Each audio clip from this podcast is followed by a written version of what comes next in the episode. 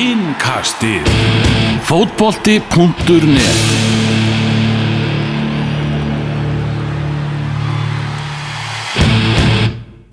Yngasti heilsar á litlum laugadegi, það er miðvíkudagur 9. mæ, frítagur á morgun. Sumir eru nú eiginlega komnir í langt frí úr ennsku úrvasteildinni, fyrir um betur við það. Daniel Kjörn Moritz heiti ég og svona á kantinum en, en svona meira í tæknistarfinu í kvöld er Elvar Geir sem að hérna allar aðeins að draga sér til hljés Elvar er búin að vera mikið í podcastumræðinni á fótbolti.net með íslenska boltan og yngast hengdi því. Þannig að við hvetjum að sjálfsögðu fólk til að fylgjast með því sem þar er að gera. En það er gestkvæmt í húsi. Manchester United svolítið verður öruglega að þeima og, og, og stórar fréttir í tengslu með sögu þeirra og, og annað með Sörarins Ferguson Dóri og Runi. Yngast hlustendur án og heyrti ykkur áður. Og hvernig er þú Dóri? Ég er bara nokkuð góður sko, ég Já. er ekki á mínum fyrsta bjór Næ, en uh, já, bara mjög góður. Það er alls ekki neikvægt Runi, hvernig er þú? Bara nákvæmlega saman Dóri sagði sko. Líklega munum síðasta samt en, en ég láti það svona leikja millir hluta. Ok, ok, mjög gott. Uh, Línur eru farnar að skýrast all verulega í ennska boltanum. Við ætlum aðeins að byrja á því. Uh, það var náttúrulega ljóst í oktober að mannstu City er englansmistari og, og um, þurfum svo sem ekki að eða lungun tíma í að tala um þá eða hvað, þú veist, þeir eru bara lang, lang bestir og Já, voru þeir ekki að- skemmtilegastir. Og þeir ekki að bomba stigametinu og markametinu í hús núna áðan með sigur Nei, þeir, þeir geta ekki sett stigamætti Ekki? Nei, þeir klúðruðu því í- með jafntefli um helgina Er það Já, ekki, er ekki rétt um mér? Ég-. Ég er nokkuð veist að BBC hafi hendi í tvíta sem þeir gerðu allavega þeir höfkuðu við markametið líka og jafnvel já. góldifrensið sko Ok Ekki það að þeir getur tapað með 20 mörgum eitthvað síðasta leikin ég held að þeir séu Já, markametið er alveg klárt sko. Já, Þannig ég að- held þeir getur verið búin að ná Stigametrinu, stigametið var það ekki konur í 97 hver, það er ekki farið yfir 100 þannig ég geta náð 100 með Það geta náð 100, vissulega, vissulega. það hlýtur að stigametið sko. En ef við, þú veist, hvaða hérna, ef við samt verjum smá tíma að byrja að tala um það að, sko, nú er svona uh, ég er hlutræður kannski, en mér finnst besta lið ennsku úrvasteildar að vera Arsenal 2003-04 þó þeir hafi ekki sett svona stigameit að bara með það að fara tablusur í gegnum heilt tímabil því hafi nú munað fleiri en eitt tímabil þar sem að ekkamenn hafa verið gjörsanlega stúrkostlegir og svo uh, munum við nú eftir Chelsea liðum hjá Mourinho og Chelsea liði hjá Ancelotti og, og lið sem að hafa svona heilla mikið mm Mhm. Manchester City liði sem að Mancini var meistari með var skemmtilegt og, og svona er, Það er- þetta, er, þetta, er þetta bestu meistararnir núna? Sko þetta er spurning hvað eh, það er svo erfitt að bera saman þú veist, það er ofta verið að tala um það til dæmis eins og bara árangur núna þú veist, eins og með bara árangur United að á x mörgum tímabilum þá veði það duga til þess að vera meistari. Og, og, en það segir samt bara náttúrulega bara mjög lítið sko, að því að það vart að bera saman við uh, ólík tímabil það sem að sko öðrum liðum, hvernig þeim gengur veist, hvaða liðum ert að berjast við og hvernig gengur þeim og hvað Já. standa þau þannig að ef við tökum til dæmis United liðin í gegnum tíðina eða bara eins og veist að segja mann sinni liðið hjá City sem að vann uh, titilin á markatölu Mm -hmm. þú veist það er karakter í því skilur, Já. að vinna, vinna þetta United lið á þennan hátt sko, versus að, að, vin, að vinna þegar þú bara keirir í mark og þú ert bara orðin meistari í desember og náttúrulega ótrúlega leiðilegt á svona flottu tímabili eins líka með Lester æfintýrið að lið verði sofameistari með veist að hérna svona enska knaspunni sambandi þurfi að girða sig í leikjanýður eins og þetta Já, ég saman því sko er punkt, minn punktur með skilur hvað er bestu meistararnir er það fer til hvernig þú horfir ef þú horfir bara á deildina mm -hmm. þá, eða skilur þú veist, þú, þú hvort þú takir deildina engungu sem skilur sjónamiðið eða hvort þú horfir út fyrir skilur og Þú ert að tala um að- 98, 99 Nei, nei, ég get, enda, ég get enda að tala um það ég, bara, Ah. veist, ég er að tala um skilur hvað lið gera þú veist, í öllum hinum keppnum því það alltaf hefur auðvitað áhrif á veist, heilda myndina sko. Þú veist, ef lið eru dottir snemma út FA Cup og deildabíkartum bla bla bla skilur þú veist, þá er náttúrulega meiri fókus á deildina Mhm. og það eitt og sér náttúrulega gefur það þú veist, þann fókus sem Já. ég held að Arsenal hafi haft á sínum tíma Mhm. og, þú veist, og þeir, ég heldur að mér að sagt það sjálfur skilur og endanum var bara, þú veist, þeir voru löngum búin að vera deildina en en þeir fóru bara í þetta leiki bara þeir, veist, þeir horfðu bara á þetta unbeaten dæmi. Já, en þú veist, ef ég tek sem dæmi þá eru Barcelona núna sko hvað einu leik var því að fara ósýrari gegnum spænsku deildina. Já, Mhm. en það er engin og þá fullir ég bara engin í Evrópu að tala um að þetta Barcelona-lið sé sko, sko nálagt því að vera jafn gott og önnur Barcelona-lið síðustu tíu ára einfalla út af þeirra ástæðu að veist, þeir skitu í mistadeildinni já, en ég held þessu samt þeir völdu samt í spænska þeir eru tvöfaldi mistrar Eða, ég, na, veist, ég veit gott, ég skil fullkomlega hvað þú átum með Arsenal. Já. og ég skil fullkomlega Þeir tók við reynda byggar þá líka svona, já, já, ef, mann rétt eða- En svo líka getur við talað um til dæmis uh, Arsenal liði 97-98 og þrennu tímabili, da- þarna tímabili eftir hjá United. Já, en þessi liði voru að vinna deildina með 78 stíg Já. 78-79 Ég ætlaði einmitt að koma inn á það að ég man að þegar var, hann var annarkor meistarana Wenger eða Ferguson sem var að tala um hann efaðist um þá að stigatalan búin að hækka svolítið efaðist um að 87 stig myndi duga til að vinna deildina, ég man ekki fyrir hvaða tímabil það var Ah, sko, veist, eh, við erum að tala um veist, 10 ára eða 15 ára aftur í tíman eða eitthvað, nú erum við náttúrulega að sjá eitthvað allt annað dæmi í gangi Ja, sko. mér, finnst ennska deildin vera komin svolítið svona í spænsku deildarfílingin skilur þú veist það sem að, er alltaf bara Real Bassa og þú veist Mhm. alltaf bara í rauninni þú veist ég man ekki Mourinho er í öðru seti með sko 90 og eitthvað stig og þú veist 100 með skoru leiku við en það döði samt ekki til sko. Já, Já, eða, eða Liverpoolið með Suárez sem að það, yfir það, það 100 er svo mörg nánast að koma þangað í, það er bara munurinn á stóru liðunum og er orðinn það mikill. Já. að þú kemst ekkert skilur það var þú veist, ég veit ekki hvort það var þú veist, hvort að munurinn var það mikill eða hvort það var svona meira bara svona þú veist, menn gáða aðeins meiri skíti í suma leiki þarna Já. fyrir einhverjum árum sko. En núna er þetta orðið bara þú veist þú þarft bara eins og sagðir bara 85 stig pluss bara til að vera í top 2 sko. Ég er með eitt svona teika á þetta sem ég langaði að spyrja, spyrja ykkur Tímabilið á Manchester City bara frá A til Ö er það vombrið? Þetta er svolítið galin spurning verðandi langbestir englansmeistara en þið vitið nákvæmlega hvað ég er að minna Já, ég sko þú ert orðin einn af þessum stundismennum sem ert svona orðin nett óþólandi hérna á Ölveri og ert að, að lemja í borði við smáatriðum Mhm. ef, þið- ef þið finnst í alvörinu þetta tímabili vera vombriði Mhm. en þú veist, finnst eigendunum þetta vera vombriði Pep Guardiola finnst þetta potið vombriði að hann hafi ekki komist lengra í meistardildinni Sturla metnaða fyrir stjóri og allt það sko. Sko, við minnir að ég hafi ég var hann að rifið upp með elvunum daginn. Ég held ég að farið yfir þetta í uh, eftir að töpu fyrir Leifbúl hérna. Þá, þá, þá, þá var hann að rifið upp skilur þú veist ég hafi ekki því að, þú veist, að, því að einu pælingi með vomburinn er bara svo að þeir dött út úr mistadeildinni í rauninni jafn snemma að gerðu og svona Mhm. Cup líka mm -hmm.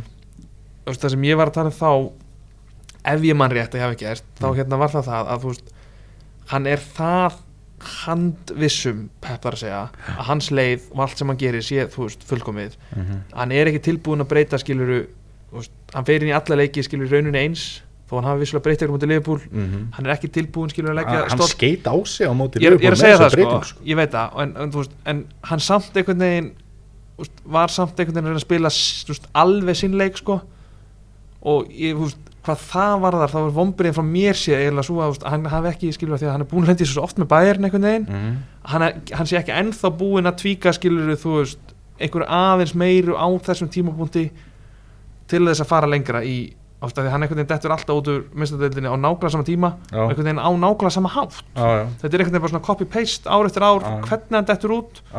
Og hann verið, að þú veist og ég, ég gerir mikið grein fyrir, veist, það var alltaf kallað heimsku því að hann, veist, Nei, nei, hann þetta er ekki hann- heimsku nei, maður. Ég segi það, hróki öruglega, þú veist, eða náttúrulega bara veist, meistadildin er þú veist, eins og Sörars Ferguson getur líklega vitnað um og fleiri þjálfarar sem að vera hann sko skrilunar, fleiri mjög góðir Já, þjálfarar veist, þetta er er erfast að keppni í heimi Mhm. og þú veist, þú þarft þú veist, þetta er bara þannig dýr einhvern veginn þessi keppni, að það er, það þarf svo lítið skilur að klikka. Já og svo sagðir kannski var hann að reyna að breyta þess að fyrirleikum á til Leifbúl og hann, eins og hann bara umturnaði liðinu en Já, það bakfæraði algjörlega. Já. en mann fannst einhvern veginn skilur hann samt vera þú veist hann vildi ekki skilur einhvern veginn reyna að þú veist spila veist, hann, hann hugsaði bara um sína styrkleika og hvað þeir geta gert en ekki einhvern veginn þú veist hvernig Leifbúl geta refsa þeim sem var einhvern veginn síðan bara eins og flest mörkin þú veist bara eins og Leifbúl mútið Róma líka þú veist þegar Mhm. varnarlínan er bara upp á miðju Já, já. og svo horfum við bara á Mo Salah bara þú veist, Já, já, Sæt, Sæti og Mani og, og bara, Já, þú veist, sem að mér finnst vera besti leikmaður Liverpool í meistardildinni í vetur, mögulega, sko.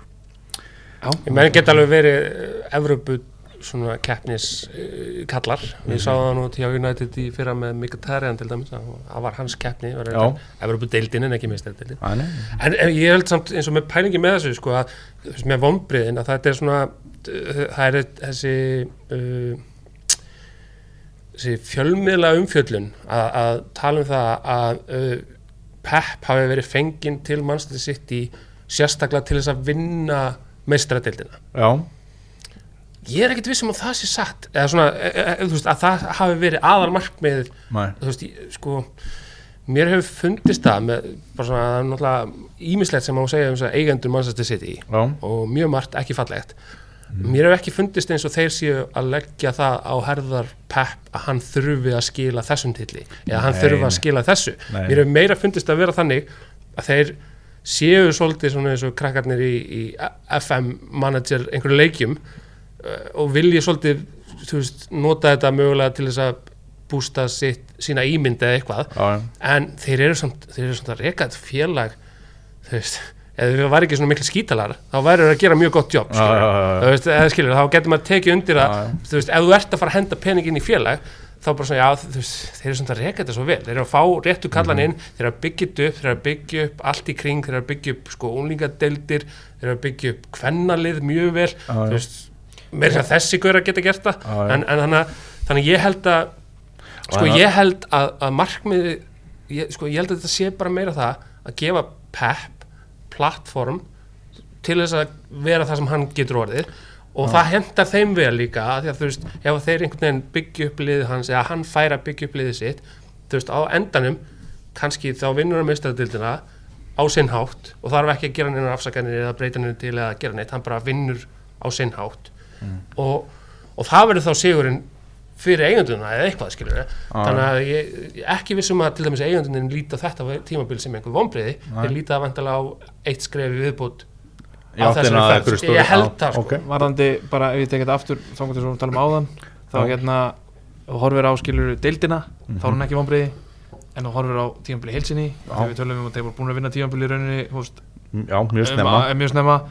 Þú Ég, veist, ég, þá er síðasti það- leikurinn var hérna í mannsæstiðstafun í desember þá einhvern veginn, eftir það- það var þetta Já, sem er ótrúlega fara út gegn Viggan í byggarnum og eins og er fór út á móti Leifupúl þá er það vonbreiði Já, þannig að þú veist, ef þú, já, eins og en, staðan er en í það, var, dag það var samt, það var bara það var, það var svo viðrögt sem var ég segja Ekki það, tímabilið. Nei, nei, ég veit það, ég það, en, þú veist, en, það, þú veist, af því að það gerir svo seint á tímabilið rauninni, skilur, Ég- já, það er allir sammálaðið sem búin að vinna deildina, Skilur. þá breytist, skilur, svolítið stemmingin og svo eins og þú, Daniel lendir áðan, að vera sofamistari er ákveð anti-climax, já, já, held ég, meira sem sem leikmaður, ég held að sé pínu erfitt eitthvað, ég, þú veist, ég, ég ég held sá að alveg algjörlega. fleiri en tvo og fleiri þrjá sem að trúðu upp á Mourinho að hafa hent þeim leik til þess að mannstu sitt ég get ekki fagna á, á, á vellinum en ég, ég, Ég Ég ætla bara aldrei að ég segja kaupi það aldrei. ekki Ég ætla, ég ætla bara aldrei að segja aldrei ég, sko. er, hann er einn af fáið sem við myndum ekki trúa til þess að púla það, sko, Þú veist, actually bara virkilega gefa það út fyrir leikum, bara við töpum í dag, þeir fyrir að fagna heima hjá sér, eða hvað sér eru, en ekki á vellinum, skilur við framan 50-60 mann, sko, en já, En það sem að sko þetta hefur ekki verið bara hérna bara hérna kúka reppo um tímabil sko. Það, veist, þeir missa þarna sterkan post í Mendy í byrjun tímabils og, og leysa það. Fyrir mér frábærlega Fabian Delf stígur þarna upp sem að engin átti von á. Vincent Kompany er búin að eiga afleitt tímabil ef við lítum til meðsla veist, þá er ég ekki að meina hans, að hans framistöður hafi verið slakar þegar hann hefur spilað, þær hafa verið á pari við hans gæði hann hefur ekki valdið vonbreiðum þá en hann náttúrulega hefur ekki tekið þátt í þessu eins og hann hefði viljað, Gabriel Jesus við veitum hvernig þetta tímabil hefur verið á honum, en þetta hefur samt bara ekkert haft það mikil áhrif. En ok, nóg komið kannski með City og, og og Manchester United er í öðru sæti þegar það verður talið upp úr kvössunum, það er bara nokkuð ljóst. Og síðan var náttúrulega algjör drulla hjá Chelsea í kvöld. Að gera jafntefli á heimavelli. Þeir voru einhvern veginn búinir að stíga svo sterk skrefi rétta átt Já. að hafa þess að loka umferð alvöru. Þeir, þeir sita í fintasætinu eða það ekki, erum við ekki að sjá það í loka umferðinni?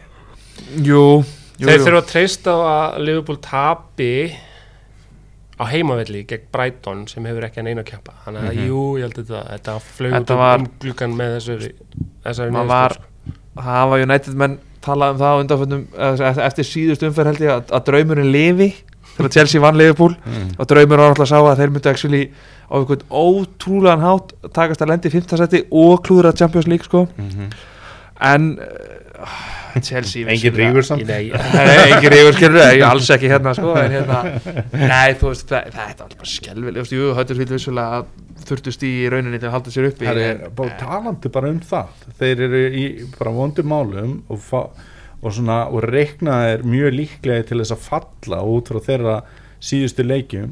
Áttu, áttu líka bara ruggla að leiki eftir. Áttu rugglaða leiki eftir. Herri, jafntefli á móti Liverpool, var það ekki? Nei, um Manchester helgina. City. á móti Manchester City um helgina. á útivelli. Á útivelli, nákvæmlega. Og svo jafntefli núna á móti Chelsea. Á á, brúnni. útivelli líka. Þannig að lið sem að gerir þetta í basli, það á bara skilið að taka þátt í deildið þeirra bestu ári. Ég er nefnilega að því að þú veist, nú, nú held ég með Manchester United þannig að ég augljóslega er þú veist, held með svona liði sem var rosalega gott þegar ég byrjaði að fylgjast með ennska boltanum Mm. var svona að koma upp þarna og, og, allt það ég hef samt alltaf mjög gaman af svona svona liðum, svona Já. liðum sem koma upp og vita nákvæmlega fyrir hvað það standa Brighton liði til dæmis á þessu tímabli frábært Chris Eh. Houghton kemur bara til greina sem stjóri ársins í mínu bókum sko.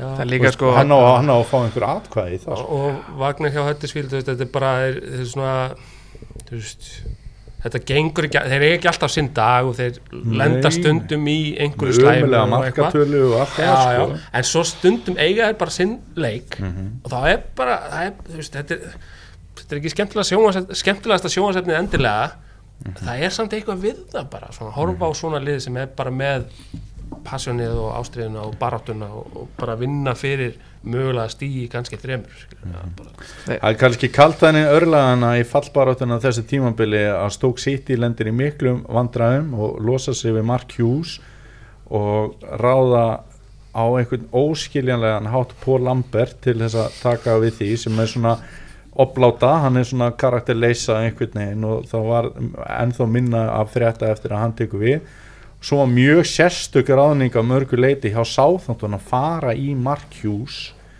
Herra, hann fer skelli hlægandi inn í þetta sumar Já, algjörlega sko, ég veit ekki betur en að uh, Já, ég trú, þið treysti Hjörfa Haflega að það var um þetta rétt en hann A, fekk uh, ágætist tjekka frá losa, nei, frá Stók fyrir ekki þegar losa sig við hann mm.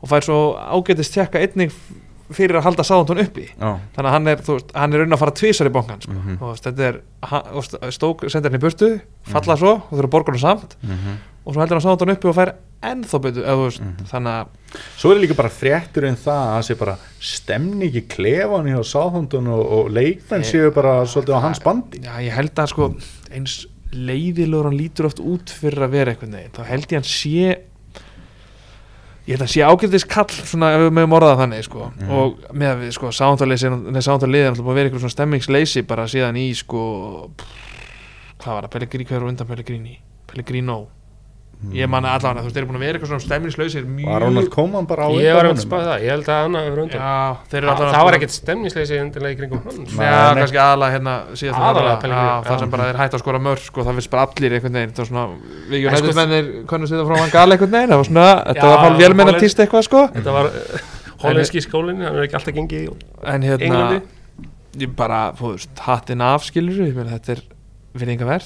bara, ég græti að hafa FBA eða það er mór aðalega og mínum menni FBA hafa þurft að Já, þetta fara þetta niður? Það var reyndar mjög gott svona gott uh, áhlaup á, á lokasprettinu hjá lengsta, þeim. lengsta líflína sögunar held ég sem gáðu ég sér eftir bara- ég hef aldrei, al, aldrei áður hef ég hort á tvö lið sem ég held ekki með og haldið með jafntefli eins og í, í Nei, gær. einmitt, Hana- einmitt, einmitt. já, Southampton og, og, og einmitt. Það hefði náttúrulega jafntefli öllu upp í vittlisu bara ennþá lengur sem að Já.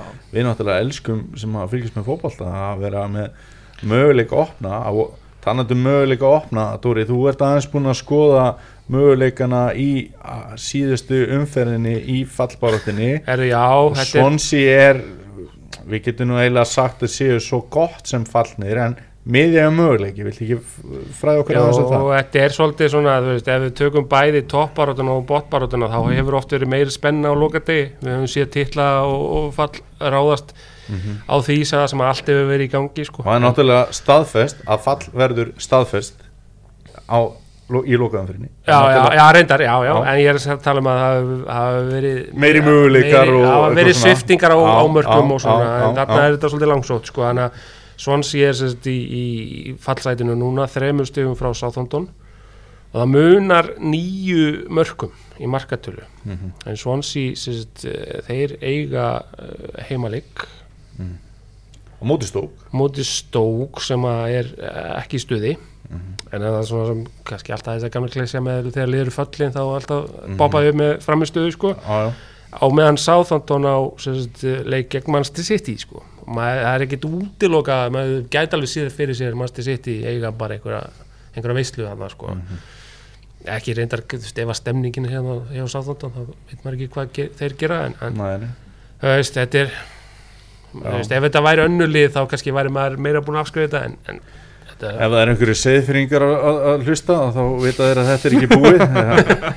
Þeir heldur nú lokahófi sitt hérna um árið eftir að hafa búin að tryggja sér inkassosæti en fjallu svo í næsta leik. Já, það ég var- það, það það- getur allt Það Sáþóttan lifir. eru mætti núna bara eitthvað að halda lokahóf og, og hérna í, í stuði þá kannski, kannski geti það ég held að það séu litla líkur á Já, Ég ég held ég held að meiri líkund að séu að sitt í við sjáum Pep róteraði ágætlega í leiknum í kvöld og mig grunnar að það verði nú jafnvel enn meira róterað þarna í þessu síðasta leik sko. Mhm. að spurning hvort er meiri líkur á að Sáþóttan falli eða að Chelsea nái meistardöldasæti af Liverpool ég ég held að sé meiri líkur á Sáþóttan falli en Mhm, ég held það líka að, en hvort ekki hvort ekki álíklegt sko Já. bara sláandi litla líkur Þú er líklega ríkur bara það sem eftir er æfiðinu þú mútið senda nokkur þúsund kall á, á báða hluti sko. já, getur orðað þannig, sko. það myndi þetta sko. Já.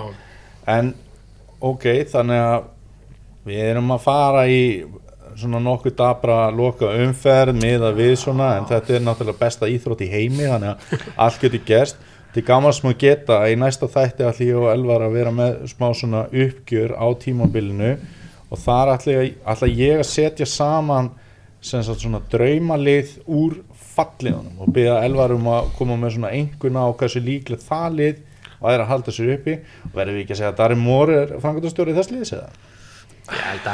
Jó, með að við, við síðustu leiki sko, mér finnst bara svo fyndið það er bara svo fyndið hvað hann er skiluru veist, hann fór bara í Tony Poulis pakkan einhvern veginn skiluru það er bara, það er 1-0, 1-0, 1-0, 1-0 þeir skor ekkert mikið að mörgum Það er einu en, en þú veist, stíðin telja. Alan Pardew var þarna bara eitthvað með trúðsatinn sinni eitthvað að gera og þetta hvað sko en, en ég fíla að Darren Moore Fílík drullur áning á Alan Pardew. maður. Já, ég pældi bara að hent starfinu beint á Darren Moore. Já. hann velti fyrir sér. Er ekki Pardew hann eftir spánar fíaskoðið eða eitthvað sko. En það er heldur betur spenna í eh, ennska boltanum framundan því að það er rosalegur byggarúslita leikur um aðra helgi. Chelsea og eitthvað menn í Manchester United. Uh, bæði lið fara í þann leik eftir að upplifa vonbreiða tímabil Chelsea náttúrulega mjög, mjög lélegir englandsmeistarar á þessu tímabili. Mér finnst það samt að fengið að fara svolítið undir ratarinn hvað þeir eru lélegir englandsmeistarar. Mér finnst það einhvern veginn aldrei hafa komist almennilin umræðuna þeir eru, veist, við tökum Leicester út úr myndinni Mhm. og United eftir að, ok, þú veist, það verður náttúrulega verið myndinni en veist, það er kannski bara út í að það er búið að vera lélegir englandsmeistarar þeir eru hörmulegir Já. englandsmeistarar. Bara veist, þeir eru ekki veist, og já, þeir voru svolítið ekkert það frábæri í fyrra þeir bara einhvern veginn svona hitt á gott eða skilur þú veist, það er bara svona eins og Þeir voru drullugóður í Ég fyrra veit það, en það er veist, bara það eins er bara að kjafta En það er bara svo að það hafi verið svona, þeir hafi verið með eitthvað svona veikt úst, ég, ég skil ekki umræðina sko, og það veist þeir allir fá bara eitthvað svona frípassa fyrir að hafa verið umulegir meira og minna bara í allan vetur. Ég held, ég að sé svolítið svona að vera að búa til bara, veist, umfjöllunin er einhvern veginn þannig að það sé að vera að búa til afsakanir fyrir konti að þetta sé bara hann eigi veist, þetta sé svo erfitt að díla við Chelsea Já, sem við vitum alveg að er að, að þú veist, að, þú veist við höfum alveg séð það hvernig þeir hafa farið gegnum stjóra það er alltaf einhvern veginn þetta er alltaf erfitt og þeir hafa bara sitt plan og það er eiginlega- fáralegt hvað virkar vel hjá Chelsea með að hvað einhvern veginn, sérstaklega núna þegar þeir eru að leggja minna í kaup og, og, og hérna og Já og að stór klaup hafa náttúrulega klikka bara eins og Alvaro Morata. Já, Bakka Jóko og svo- með- Já, Hann er kannski ekki, ekki endilega stór kaup þannig eða hvað? Hann átti samt að leysa líka stöðu. Já, hann átt að leysa líki stöðu, klálega, hann er keftur sérstaklega því að Matic fer bara það var einhvern veginn það var bara, þú veist, umfjöllunum var meira, meira þannig að bara, mm bara þú veist hvað, hvað Conte þarf að díla við Mhm. heldur en að Conte sé að klikka eða skilur samanskapi fyrir. Bólurinn heldur svolítið með konti það er þannig sko, Já. það er bólurinn er svolítið hrifin á hann sko. Já. ég viðkynni náttúrulega að vera því United maður og mögulega kannski Mourinho sinnaður þá er maður maður er ekstra annar staðar sko, en hérna veist, frábæri fyrra og alltaf en svo þú veist, tvíkar hann leikjörunu þú veist, þeir hætti að spila 3-4-3 þeir fara meira í, þú veist, runni 3-5-1 eða hvernig þú mm orðað það sko mhm, verða allir miklu varnasinnari mhm. hann hendir Diogo Costa bara í burtu eins og Mhm. einhver ruslapoka sem Já. var hann auglega fær eiginlega ekkert hann fær eiginlega engan, engan skít fyrir það, það, það, það er bara eins og Hvernig það sem hafi bara gleymst að Diogo Costa hefði verið bara þú veist maður sem dróð á í gegnum leik eftir leik þegar þeir voru ykkur ströggli fyrra. Já. og, og einhvern veginn þú veist eins og Orðspor Konti komið nokkuð svona óskað út úr þessu tímpil og rauninni allir leikmann Chelsea mér veist allir bara svona þú veist það er bara svo að séu ennþá á sama staðu Það er náttúrulega bara skelvilegt eins og fyrir mig að þú sett að reyfja upp Diogo Costa því að hann er náttúrulega að valda því að Atletico Madrid fer- vinnur Evrópubikar til dæmis bara með gæðum sínum í, tíma, í þessar rimmu eða setnileiknum á móti Arsenal. Já, Þú algjörlega veist, þetta, er, þetta er náttúrulega geggjaði leikmaður og, og, og, óþólandi leikmaður en alveg bara óþólandi góður. Já, ég sagði geggjaður, það er svona Já, hægt að já, lesa margt í það sko en, en mér finnst þeim bara áhugavert að skoða um, umfjöllunina í kringum Conte versus bæði umfjöllunina í kringum Mourinho þegar hann var að hætta hjá Chelsea þegar hann átti sitt slæma tímabil eftir að hafa unni mesta dildin, eða sitt unni dildina segi Já, og líka bara munin á umfjöllun á Conte núna og bara Mourinho núna Mourinho er þú veist, búin að vera með Já, lið já. í öðru sæti við erum mjög, við viðkjörnum það, við erum vissulega mjög Við litaðir erum hérna það. félagarnir, Já, ég er Mourinho maður sko En en hann er umfjöllun- búin að vera með lið bara, þú veist, það er, sko, það er eitt einu umferð Mm. á öllu tímabilinu þar sem United hefur ekki verið í eftir tveimur sætunum Mm. og þá var það Chelsea sem komst þarna um áramótin eina umferð áður en hruni þeirra kom þarna um eftir áramót Mm. það er eina umferðina sem að United hefur ekki verið í annarkvort fyrsta sæti eða öðru sæti Já. bara alltaf að klára þessu umræðu líka skal, ég skal viðkynna það að Mourinho og United hafa ekki verið skemmtilegsta fótballtalið í vetur en Chelsea hafa alls ekki verið það heldur Nei. en að samanskapi þá eins og þeir séu með bara úst, ég veit ekki hvort ég sé bara bitur eitthvað en það er bara séu ykkur frí passi og englansmestandi séu sko Æsa. lélegir leiðilegir Ok, ég, ég, ætla, ég ætla að segja að þið séu svona þið séu svona aðeins að- að að gleyma umræðinni um hversu heitt hefur verið undir Antonio Conte en það, hefur það ekki verið undir Mourinho líka? Nei, Ég- nei, ekki, ekki hjá nei, nei, nei, en var nei, það þegar hann var hjá Chelsea Nei, nei, nei, það verður ekki, ekki undir Mourinho á þessu tímabili ekki kannski frá, ekki út frá stjórnarformum Nei, en út frá nei. stuðnismönnum og eitthvað fjölmiðlum fyrir Mourinho er bara helgi eftir helgi, eitthvað Ok. United eru leiðilegir og boring og hann þurfa að fara og þeir þurfa að gera hitt og þetta en, mm Mhm. -hmm. Conte er alltaf bara, hann er að fara og, og, og Chelsea, ég skilur, þú veist, það er veginn svona það er enda mjög fyndið, það er að- eins og allir séu bara það er allir búin að vera á því frá því bara miðju tímabili Já. konti sé að fara Er hann að fara? ég, ég held að vera Nei, ja, þú veist Mér finnst það líklegt sko ég, alveg, ég held að fari sko og Þetta er- en það þetta er mynstrið, veginn, sko. er, er það samt Bara skalinn 1-10 og okkur báða, er Conte að fara? 10, hann er definitely að fara ég gefa hann bara 8 af 5 sko já, Dóri. já, ég hugsaði átt af sko þannig- en, en Ok. þú veist, er það samt bara frípassi á bara bæði hann og leikmenn séu bara allir með allt bara buksnar á hælunum Bara og, alls ekki. og bara séu bara slétt eitthvað Alls en þeir reyndar áttu áhlaup núna undir lokin en það var bara óseint Já, og náttúrulega klúruðu því bara í kvöld Klúðruðu í sko. kvöld, já. þú veist líka klúr því já, En þessi byggjurúslita leikur, nú eru tvö mökk leiðileg leið á þessu tímabili með að einhvern umræðan hefur verið, skilur og, og Ég- sem er að valda bara miklum ombröðum, bæði á sína stuðnismenn og líka bara með einhvern veginn svona eðlilegri baráttu um titla fyrir utan vissulega þennan titil að fara að mætast. Búið að vera mikið fjadrafóki kringu stjórna, það er búið að vera mikið talað um konti, það verðast allir vera sammála um að hann sé að fara það er búið að vera bara bara einhver helfur gegn Mourinho og hans fótbolta og, og hann er búin að vera í útistöðum allavega í fjölmiðlum við eiginlega alla leik með Master United, veist umræðan er veginn Já. þannig hvernig er verið þessi leikur? sko, ég ætla að stela orðinu Ég hugsa þetta núna þegar Chelsea vann Liverpool í síðustum ferð Þá held ég að Chelsea hafi verið með sko Þeir voru döðruð við svona 35% possession held ég taktísku sigur Já, dauðans. algjörlega sko Og ég hugsaði með mér Svona vinnur Liverpool og leiður Liverpool að hafa boltan Svo ferði United Chelsea í byggjárslum Hmm. Bolti verður bara út af held ég. Það hvort liði verður með boltar þeir verður bara, þú þið með hafa hann Þetta verður svona hot potato. þið með hafa hann, þetta verður rosalega mikið svona hvað ætlum við að gera, við ætlum bara að vera hér. Þið ætlum bara að vera þarna. Þið með- Munið, munið eftir hérna Simpson þættinu þegar fótboltinn kom í bæinn. Þegar þeir byrjuðu svo bara að senda á milli þrýr gaurar. Já, það gerðist ekkert annað og allir fóru að slást. Já, mér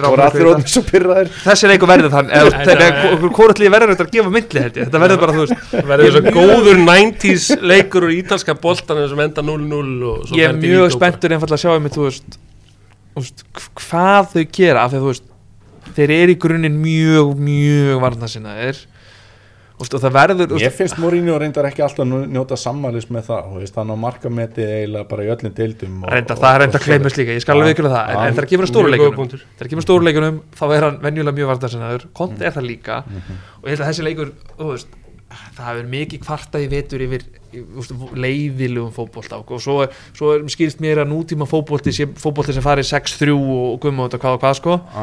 Þú veist, þetta verður ekki þessi leikur er ekki að fara 5-4 sko.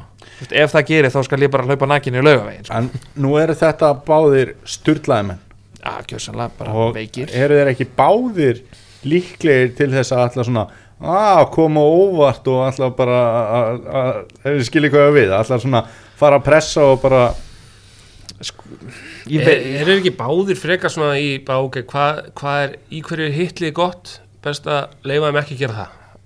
Já, það er Mourinho er sagan segir mikið okkur sko. það svo Rinju hefur einhvern veginn þú veist, þú veist, hann hefur kannski ekki mætt í eitthvað svona pressu fótbolta í suma stórleiki, þú veist, United hefur mætt eins og mótið Tottenham á Wembley í ekki byggandum heldur í deildinni, það sem framist var rosa mikið bara svona og það vissi enginn hvað framist var þú veist, það vissi enginn hvað leikmyndir yfir, þú veist, hvað hlutverk ákveðna leikmanna var og einhvern veginn. Það var líka plan sem fór út um gluggan eftir 11 Já, sekúndur, vissulega, sko. þannig að maður velti verið sér þú veist, veist jú, það getur verið annaðir ákveð það getur verið báðir ákveð, bara herðu, fuck this skilur, bara Hvor er líklegri til að gera? það? Hvor er líklegri bara, herru, guys nú ætlum við bara að pressa, við ætlum að skora snemma og bara og, og svo bara park the bus skiljið sko. Ég held að Conte getur líklegri bara því að þetta, bara hann sér þetta meira kannski, að þetta er þú veist, síðasti leikurinn þetta er svanasöngur hans í rauninni og hann Ef ég tapa þessu þá er ég ekki að tapa neinu þannig, skilur ég. Mm. En ef ég vinn bara með eitthvað svona einhverju ruggli, þá, þá veist, ég að ekki segja algjörlega þannig sko, það getur verið að- hans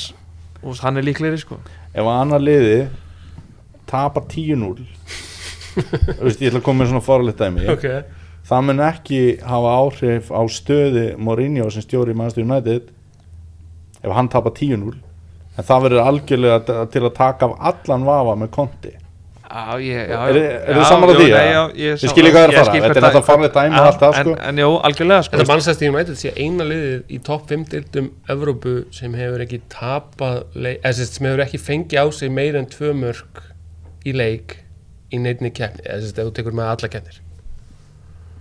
Býtum við úr að segja þetta aftur. Hann getur ekki tapa ef- 10-0 þegar þeir hafa aldrei fengið þessu meira en tvö mörg í vetur.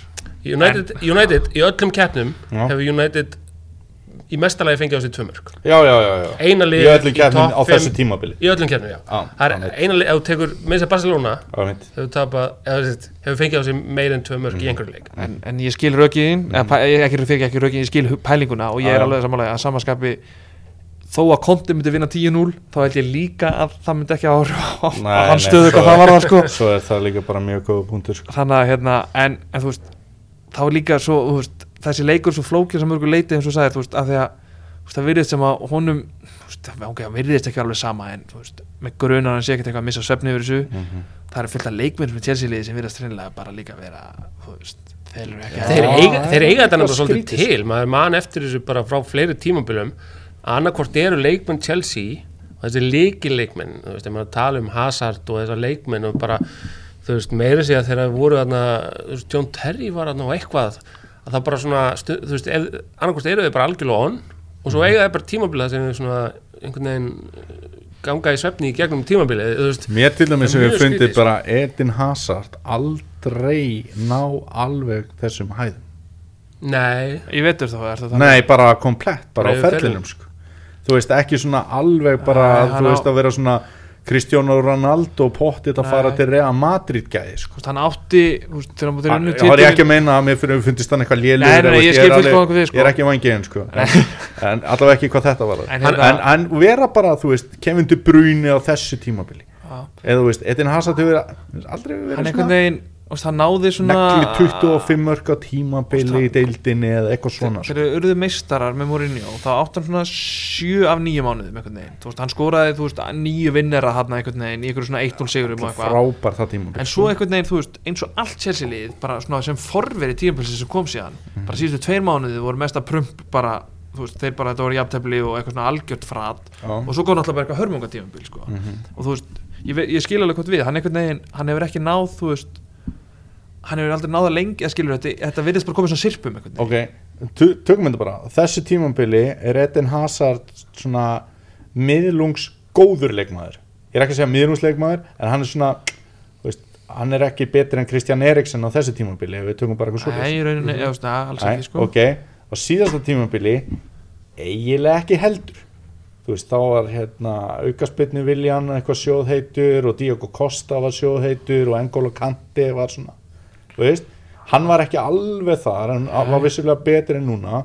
Tímabili þar og þá undan. Já, það er ekki tekið Ríad Mares hann- hann var bara hörmulegur. Já, já, al- já, tímabili þar og undan, Chelsea meistari virkilega, virkilega góður. En samt ekki all, eða, samt Nei, einhvern veginn ekki, já, ok, dæmis, það tímabil þá var kannski meira eins og innkoma Fabregas inn, í, inn í það lið og, og, og, náttúrulega Viljan þú veist, hann er einhver svona Mourinho soldier og þannig að þess vegna kannski og, var og líka tímabilið á undan því fyrir ekki að ég gripi fram í þá átti Hazard mjög erfitt uppdrátt ég veit, ég er eiginlega, já þú veist, þetta er einhvern þetta veginn svona áhugavert að því þetta er svo góð gaur en svo vissulega Já, þetta já. einskilur leikir þú veist, eins og leikupúleikurinn og þetta inn þessir einstaka að leikir sjálfsögð en, að sjálfsögð sko. en einhvern veginn svo sagði, hún tekst ekki að dreifa einhvern veginn gæðunum sínum eða þú veist, en bara mér finnst hann vera uh, ég ætla ekki að segja flop það er hann náttúrulega það er galið að segja það en ekki hafa komist í þessa svona hæstu hætt Nei, þetta er kannski svipað eins og umræðan í kringum Pogba með það að þeir hafa sínt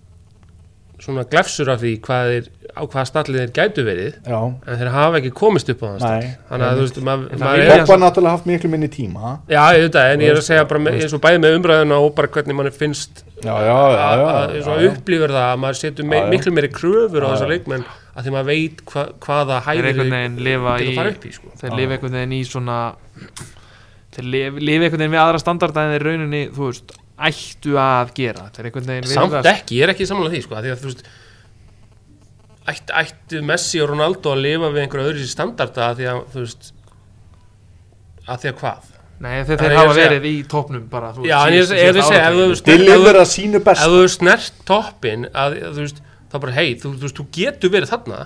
Af hverju ertu bara að eiga tímabil þar sem að þú ert bara eitthvað dicking around eða þú veist, af hverju ertu að eiga leiki þar sem þú hverfur algjörlega? Af hverju, af hverju áttu heil tímabil þar sem að þú ert ekki það Ég held að það sé veist, ég held að Ronaldo og Messi reynda liti alla umræðum, alla fótballtamenn í dag einfallega af því að þeir hafa verið á toppnum þetta lengi. Ég veit, já, og þeir það tók til, síðan sem dæmi einhvern tímann, hann er í minningunni bara og Pól Skóls og fleiri skilur, þú veist, þeir lifi minningunni sem einhver svona stórkostleir fótballtamenn þú veist, síðan fór í gegnum uh, ekki alltaf ég að fara að fakta það en það var eitthvað svona á Twitter þú veist, hann er hann hefur skrifað bækur og fleira, hann er svona nokkuð Zidane var frábær útstáta keppnisleikmaður frábær í náttúrulega mistadeldinni frábær með Frakland og fleira.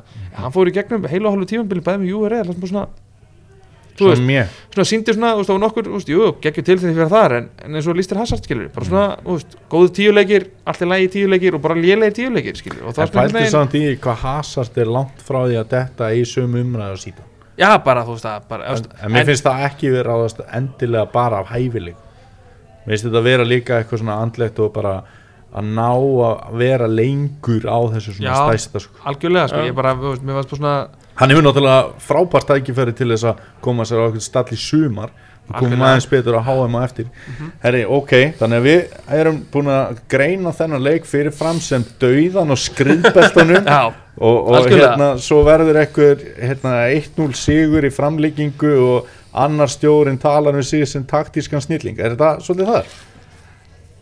Já, já, seg- segjum það er þannig sem ég sé að leik fyrir mér sko.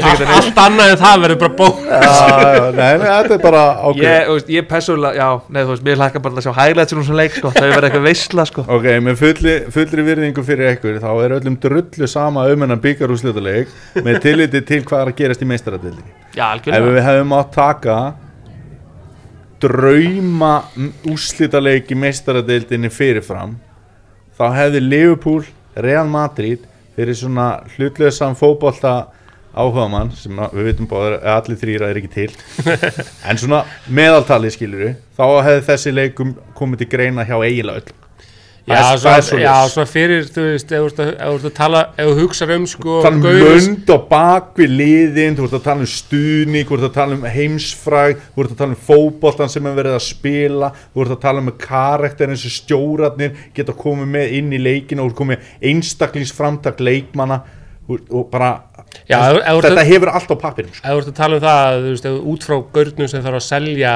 leikinn hvort það er í sjónvarpi eða já, eða bara við á erum hérna að taka já, við bara að taka upp Já, hérna á er- Ölveri að, það selja hambúrgara þá selur þessi leiki hambúrgara á Ölveri Þetta er náttúrulega ekki drauma úslítaleikum minn fyrir fimmura en ég skil hvað að meina þetta er svo, þetta er svo mér finnst þetta að vera svo stórt. Mér finnst þetta að vera stærsti úslítaleikurinn í nokkur ár ég er svolítið svona þar. Ég, ég hef ekki hlakað til úslítaleik í meistaradeildiðinni Sko, ég myndi, ég myndi aftur vera með Barcelona, Juventus og eitthvað svona. Ég myndi vera fullkóla sammálaðir ef þetta væri ekki þriði úslitaleikur Real Madrid í röð. Ok, það góða punktur, góða finnst það svona úst, úst, ég, úst, það þetta er of mikið þetta er stærri leikur en Liverpool bæmi Já, algjörlega sko, en, en maður sá samanskap með einhvern veginn orðin, þetta er svona, já, real, af, að, veist, þetta er það svona, kemur líka smá svona í þetta Cristiano Ronaldo þú veist, eitt besti leikmaður í sögum Manchester United er að spila motið Liverpool.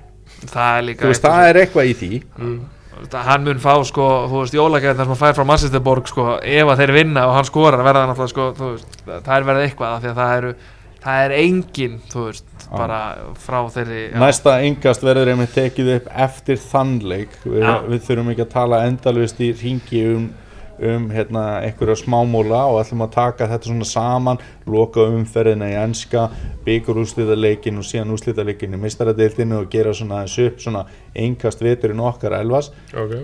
uh, Verður fluttið til Vestmanniða þá? Ég er flutt nei, nei, Nei, ég er ok, ekki ok. fluttið þá Ok, það er nokkur dögum setna en hvað sjáu þið fyrir ykkur með hennar leik?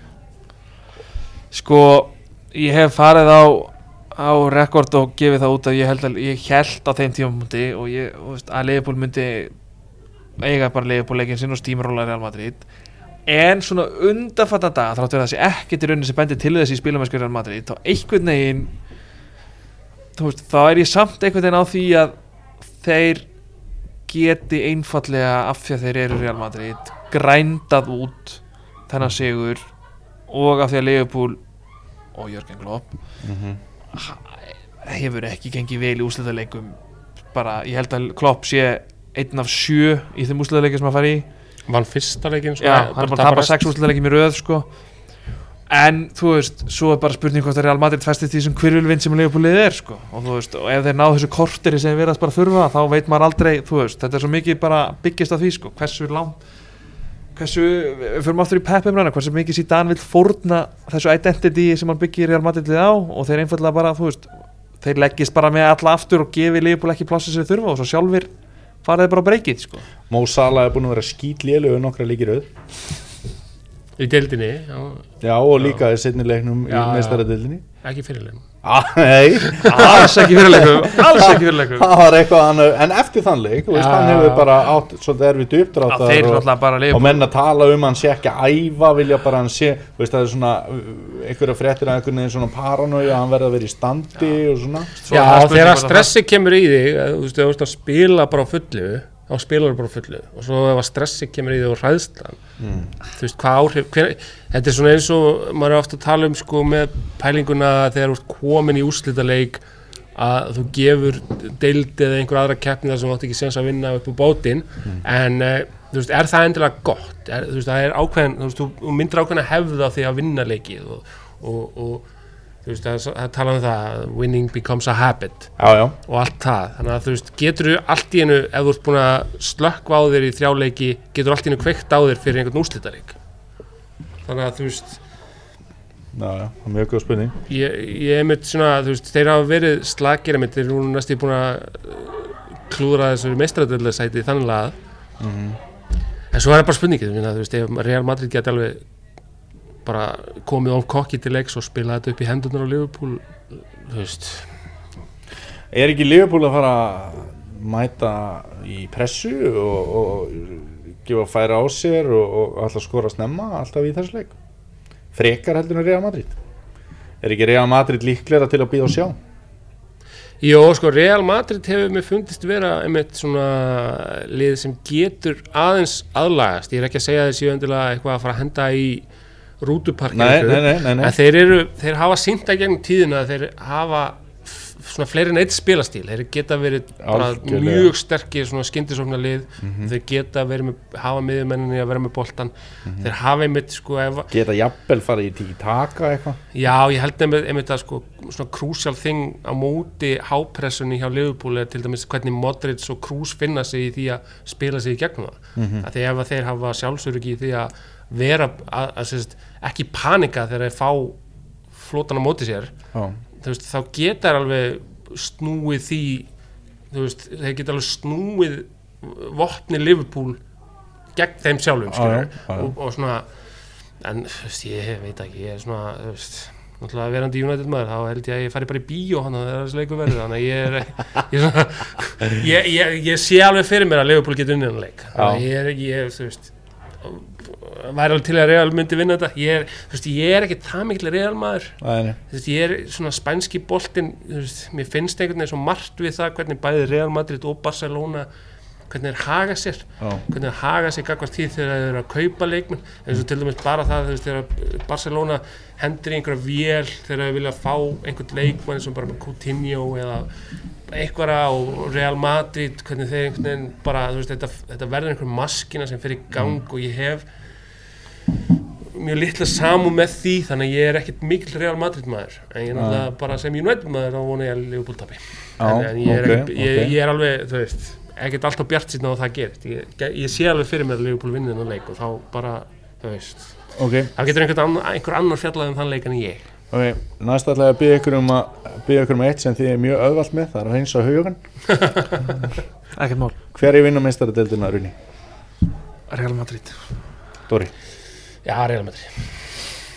Ok, þetta er mikið Ég byggt get á ekki sagt þetta annað. Þetta er, þetta er mikið byggt á óskikju Ég er svona ég, ég, svo sagði, ég, hérna, ég er búinn að spá og ég var bara, það eru, það eru tvær vikur sen ég var að því að leifbúin um til vinnanleik 5-1 Mhm. en það er það, það er bara, þú veist, jú, óskikja öruglega eitthvað leiti, en svo er það bara, þú veist þeir, þeir hafa ekki verið að eða skilur þú veist þetta er svo mikið bara, þetta er svo mikið keppni hjá Real Madrid, En- þeir eru svo mikið, búst, Real Madrid er með, og það verður að leggja eitthvað keppni á hliðina, þeir eru basically búin að leggja deildin á hliðina. Mhm.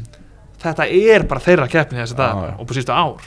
Þetta er svolítið eins og við vorum að tala um þegar ég kom í yngkasti við vorum að tala um hérna Tottenham og Juventus fyrir mm -hmm. mm. þegar maður sagði sko að þú veist, Juventus var liðið sem að vissi að það hafði mistardilda og, Ég held- og bæði liðin á vellinum vissu það. Og það var þessi, það var þessi kapli þar sem að Juventus snýri þeim leik.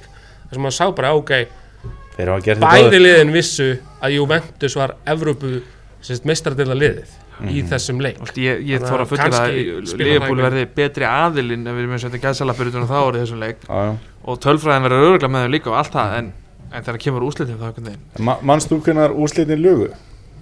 Aldrei. Nákvæmlega maður sagði svona virka þannig til dæmis í dildinni í enska boltanum að, að úrslitin hafi svolítið logið að því að maður hefði heyrt að United hafi verið ekki, ekki næst besta liðið ég veit ekki, kannski, kannski ljúaði stundum sko. Það er eitthvað svolítið fyndið þegar ég spurði Já, hvernig er þú til að sjá sem næsta stjóra Arsenal? Og það er bara ég? Hose Mourinho. Það er alltaf mitt fyrsta svar ekki, ekki Simeoni eða? Nei, shit. Hver heldur þú samt að segja það? Að það var að tala um hvað Allegri? Já, það er mikið búið að tala um Allegri og, og, ég var og að fá Allegri í enska boltan ég hefði haldið að hann kemur Luis til Chelsea sko. Enrique líka sko. Já, Ég var í spenntu fyrir þeim Alveg ekki Vieira? Defa. Jú, ég var mjög spenntu fyrir það líka. En samt, ég held að það sé svolítið byggt á einhverjum svona, einhverjum já, draumaóskhyggju. einhverjum svona já, svo er líka búið að tala um að, hérna, Ancelotti geti komið inn með annarkvort við eða Arteta með sér í læri þú En það er samt eitthvað, þú veist, eh, Ancelotti er svo mikið eitthvað, Lassis fer eitthvað svona, allir hafa gaman og, og þú veist, Mig langar að hafa- já, svo- Já, og veist, mér langar eiginlega að hafa eitthvað svona sem að hefur eitthvað að sanna. Uh, Mér finnst við er að vera í því mengi að auðvitað ástæðum. Mér finnst bæði Allegri og Enrique svolítið vera þar líka. Það er náttúrulega auðvelt að segja, auðveldara að segja með hérna, Allegri því að hann hefur náttúrulega bara verið í einu landi og, og, og aldrei unni Evrópukeppni en, en Enrique hefur verið í tveimur löndum, gerði svona la-la hluti á Ítalíu og gerði síðan skemmtilegasta fótballtalið setna ára að mínum mati með Barcelona sem vann allt. Þannig að finnst það bara tveir góða kostir. Hvort heldur þú samt að sé betra veist, sem, sem svona stuðnismæður Mm. hvort myndur þú vilja veist, eins og núna þegar þú kemur eh, inn sem Arsenal stuðnismæður næsta tímabili Já, að það kemur nýr stjóri takandi við af, af vengar eftir þetta tímabil eða þegar United stuðnismenn upplifðu það að kom nýr stjóri eftir Ferguson. Ef við, ef við svona reynum að þurrka út hvernig Moyes actually gekk að Já. bara svona já, já, já hvort já, heldur já. sé betra fyrir ég meina, stjóra að taka við veist, af ég, ég hef alltaf sagt bara svona. miða við allt og allt og veist, engin veit fyrir en eftir á Mhm. að ráðningin að David Moyes var ekki galinn þú veist, miða við bara forsendurna sem voru þá fyrir já, hendi ég fór á pappir, þú veist, á þeim tíma líka einhvern veginn og, Já, svo náttúrulega bara klúðraði hann því uh, Mér finnst að mörgu leiti Ferguson og, og Wenger vera einhvern veginn á svona pari með marga hluti varandi árangur og við tökum árangur út frá fjármunum og eitthvað svona, veist, Wenger hefur náttúrulega gert klikkaða hluti og hann verður Arsenal idol og, og, og svoleiðis legend þannig að þetta verður bara alltaf daldið snúið sko. munurinn er náttúrulega augljós að það var engin pyrraður út í Ferguson þegar hann fer frá United það var engin að fljúa flugvél að hann ætti að drulla sér og eitthvað svoleiðis sko. en það hefur verið hjá Arsenal og þar er leiðandi er svona auðveldara fyrir eitthvað stjóra að koma inn og þetta er góðu tímapunktur og jafnvel betri heldur en fyrir árið síðan á mörgu leiti þegar hann var búinn að vinna eitthvað byggar og svona sko. heldur þá að stjóri fangi jafnvel meiri þólumæði veist, ekki kannski bara eitthvað nýju mánuður og hann er sko, farin sko stjó, hérna, heldur, hann, heldur hann kemist upp með að vera til dæmis ekki meistaradildin í fyrsta tímabil eða þú veist, eitthvað svoleiðis. ég held að út frá svona árangri í fótballtaliða hafi þólimaðin verið fundin upp hjá Arsenal. Þannig að ég hef yngar hókir því.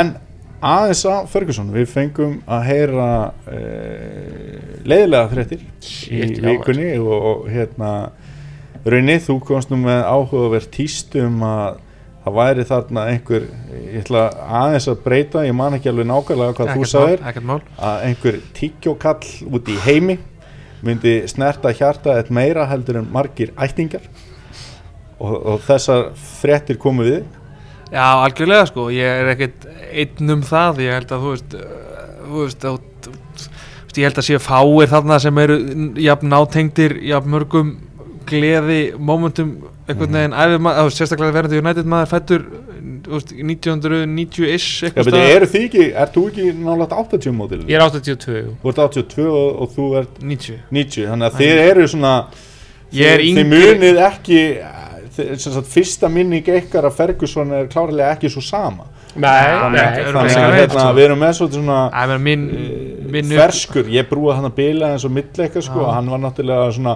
vondi kallinn hjá mér þegar ég er að alast upp bara út frá sínum árangri og, og veist, ég er bara í kringum aldamótin einhvern veginn að svona, en, þú veist, en þá náttúrulega er hann hann reyndar, hann fyrir, þú veist, það kemur smá downswing hann, svona, þú veist, þegar maður er 13, 14 þegar Arsenal tekur sér tíðan bil, sko Mhm. en En þú veist, þegar Morinni var, kemur inn í sko. einhvern veginn skilur þú veist, meira að minna bara frá komið þrjú tímabil hérna Arsenal og tvö Chelsea tímabil þar sem að United vann en, ekki þú veist, en þetta Mhm. eru bara þú veist, af 27 árum á æfiminni þá er hann hvað, hann er búin að þjálfa Ég meina, lægðin var svo að hann endaði í þriðasæti, sko. Veist, þetta er bara maður sem á beintengir við þú veist, að- veist, það er mikið að gleði mómentum á æfiðin einhvern veginn og þú veist, þeir líður bara eins og þekkir hann sko. þetta er rosalega erfitt að setja þetta í samengi þú veist, þetta er bara eitthvað eins og sagði, bara kall út í heimi skilur, að þjálfa íþróttir en þeir líður bara eins og hann sé bara þú veist, þú myndir hafa hann bara öllum fjölskyldubóðum og gætir sko, og þú veist, hann var líka með það, hann var, svo, hann var, svo, hann var alltaf svo sterkur karakter, og er náttúrulega, sterkur karakter og hann einhvern veginn gaf alltaf svo mikið, þú veist, það var einhvern veginn, ef maður var stuðnismæður United og var einhvern veginn að horfa viðtöl við hann eða í sig eitthvað, þá var alltaf þetta, þú veist, hversu mikið hann gistlaði af svona sínum karakter. einmitt. Þannig að veist, maður tengdist honum sem stuðnismæður bara miklu meira heldur en maður margir aðrir stuðnismenn annara liða líka sem að þú veist voru að, að, ég, ég veit ekki, ég veit alltaf bara fálegt að lýsa þessu skilur þess að fréttir einhvern veginn bara svona slóðumann þú veist, ég einhvern veginn tísti mitt var þann veg bara ég gæti í raunin ekki, þú veist, tjáð mig alveg ummynda því, ég, veist, þetta mér leið bara eins og Leið bara ítla yfir þessu. Ég Svo- leið bara svo- illa þessu skilur, erfitt þegar- með að koma sér orðið einhvern veginn, já, hvað þetta já, þýtti fyrir mig sko, og ég held að ef þú ert það ekki bara íþrótt mjög að þengjandi þá í rauninni skilur ekki, þú veist, jú, örglega, ef eitthvað rítumundur deyri eða eitthvað skilur, fræg rockstjarna, þá og er leikari, fræg- ég, maður leikari er skilur, en ég samt hann vissulega er á lífi, kallinn, hann má ekki maður þá á hreinu, svo þegar kveðjurna byrjuðu. Shit. Þegar kveðjurna byrjuðu frá bara leikmönnum og knaspinu stjórum fyrirvændi leikmönnum United bara fyrirvændi leikmönnum Liverpool bara mannstu sitt í félögum það, ég, það var einhvern veginn svona veist Það er allir vinnir, það fótball Já, veist, er svona, það, það eru sum moment þar sem að maður veginn, sumt er bara svona yfir það haf, yfir rígin hafi þetta er eins og með þegar maður veginn á hverjum degi, nei, hver, hverju ári 15. apríl þá bara eru einmitt, einmitt, og, og, og 7. 7. februar þá er bara munjan slísið einmitt. og allt þetta, það eru sumir hluti sem bara svona stundum bara, þú veist stundum erum við bara bestu vinnir og tengjust bara gegnum fótboltan og bara mannlega þáttin í gegnum það og þá maður einhvern veginn upplifa maður með þessar kveðjur og þá bara þegar það var ekki viss þú veist, þegar maður var ekki viss hvernig staðan væri á kallinum og allar þessar kveðjur komu þá bara, þú veist, það var svolítið erfitt sko. Ég meina, fréttina voru náttúrulega þannig að hann væri eiginlega látin, svona veist, ég var á ég var að vinna þegar þetta gerist Mhm. og ég vinn við að skrifa íþróttafréttir Mhm. Og veist, það eina sem veist, fyrsta sem ég sé er bara þegar ég skróla gegnum Twitterið mitt er bara Sky Sports veist, Ferguson Brain Hemorrhage Surgery Hospital skilur, það er bara svona einhvern veginn svona Já, það kom ekki fyrst Brain Hemorrhage, það kom bara Já, eitthvað eina röst- kóma og kritikali eitthvað það er bara einhvern veginn sem fer allir móðu sama hvað það er, það komi mjög stór bara neyðar aðgerð og eitthvað já, svona, það var að fyrsta sko. svo kom heilablæðingin aðeins setna og Sko ég, ég hérna, er, er, hérna þreytist ekki á því að uppljóstra hvað ég er mikill Mourinho maður í þessum þáttum og svo hérna þykir manni óbúslega væntu um Arsene Wenger og mér fannst ceremonían og Old Trafford mjög falleg og skemmtileg um daginn þar sem að þessi svona kalla sem að elskuðu að hata Wenger svona í gegnum sinn feril þar að segja Ferguson og Mourinho og öfugt, ég menna hann alltaf hataði bara þessa menn svona í þessu starfi Já, já. og Já, já. sérstaklega Mourinho náttúrulega. Algjörlega. En já, já, hann átti sín moment með Ferguson. Það er alls- heldur betur maður heldur ég, ég, mynd, betur ég, mynd, ég var ég er sammálaði, ég, þetta var mjög fallega þetta, ég ætla að minnast það að, fi- að því ég var með hérna, var held ég á skýslunni að það var ástæðanleiknum á rauðu djöflunum. Þannig ég kíkt á, það var sérst heimildamind sem að gerð um rígin á milli Manchester United og Arsenal á þessum tíma. Heimildamind sem heitir The Feud og þá var ég talað um það og farið vel inn á það að Wenger átti svona tímabil þar sem hann gat ekki sagt nafn Alex Ferguson.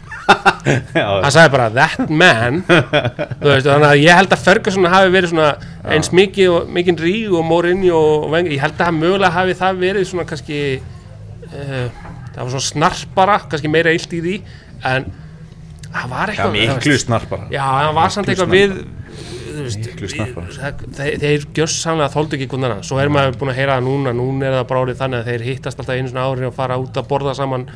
Þannig að Wenger og, og Ferguson á einhverjum, ráðstöfni í Sviss skilur, á einhverjum sama veitingast sko, en ég, minn, minn punktur samt með að líka aðeins með að rifja þetta upp er að ok, ég er Arsenal stuðnismæður og, og hérna, hef bara eins og sönnum Arsenal stuðnismæður sæmir sveiplast af þessum helvitis vengervagni bara fram og tilbaka einhvern veginn mér þótti ótrúlega vænt um þetta. Ég held að United stuðningsmenn þeim hafi svona vöknað eins og augun eða fundist mjög væntum þetta moment af því að þarna var Ferguson komin í stórt hlutverk á Old Trafford þó að þetta hafi bara verið þetta til Já, það var svona nett óvænt. Ég, ég man eftir því sko Einmitt, þegar einmitt. lappaði inn þá var, það var staðið upp og klappað.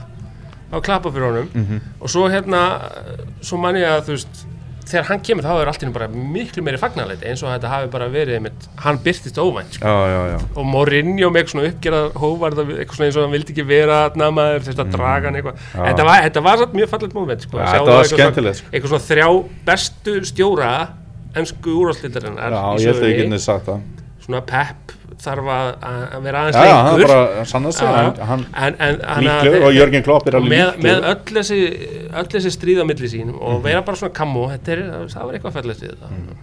En hann er náttúrulega búin að koma mjög jákaða fréttir af Ferguson í dag hafi búið að útskrifa hann af svo kallari gjörgæslu sem er náttúrulega svona hæsta viðbúin að stega veginn á spítala og, ég held að það sé Og bara hann- heim til sín og hann var byrjað að segja brandara bara í gær um að hann var að fara að háa um í Rúslandi og eitthvað svona að slá að leta strengi hann alltaf Já. og líti ekki út fyrir það og, og, og, og hann prýðir ekki komið í plakkat en þá hefur hann náttúrulega mjög oft slegið um sig með Já, skemmtilegum er- frösum hann er- og- hann er brandarakall, held Eh, ég, sko. Já, ég held það líka sko, og hérna ég held að það sé líka ákveðin líkill árangri að geta svona hlaupið í það og þannig að við erum Ég sko, ef við förum þetta aðeins út fyrir leið og Wenger gaf það út að hann væri að hætta þú veist, hann væri búinn, hann reyndar alltaf að þjálfa, veist, hann veit vist ekki að hætta að þjálfa segir hann, Nei, nei, nei, en mér, mér döður langaði í eitthvað svona Netflix heimildarserju af þeim tveimur, skilur Já.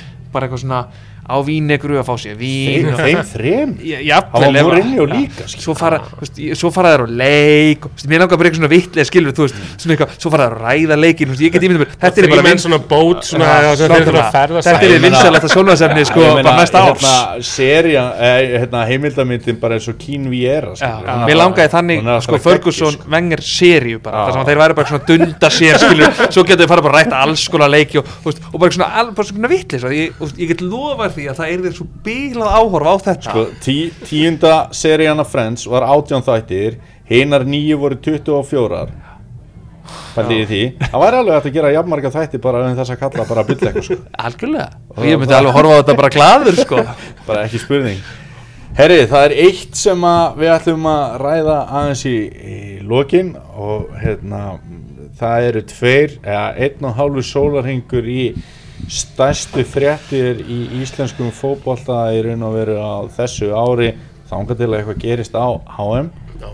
það er valið á HM það er valið á að Þetta er einhvern veginn bara ef það er hægt að færa Sophie's Choice yfir á hérna, eitthvað þá er það landslýsval heimis Hallgrímssonar.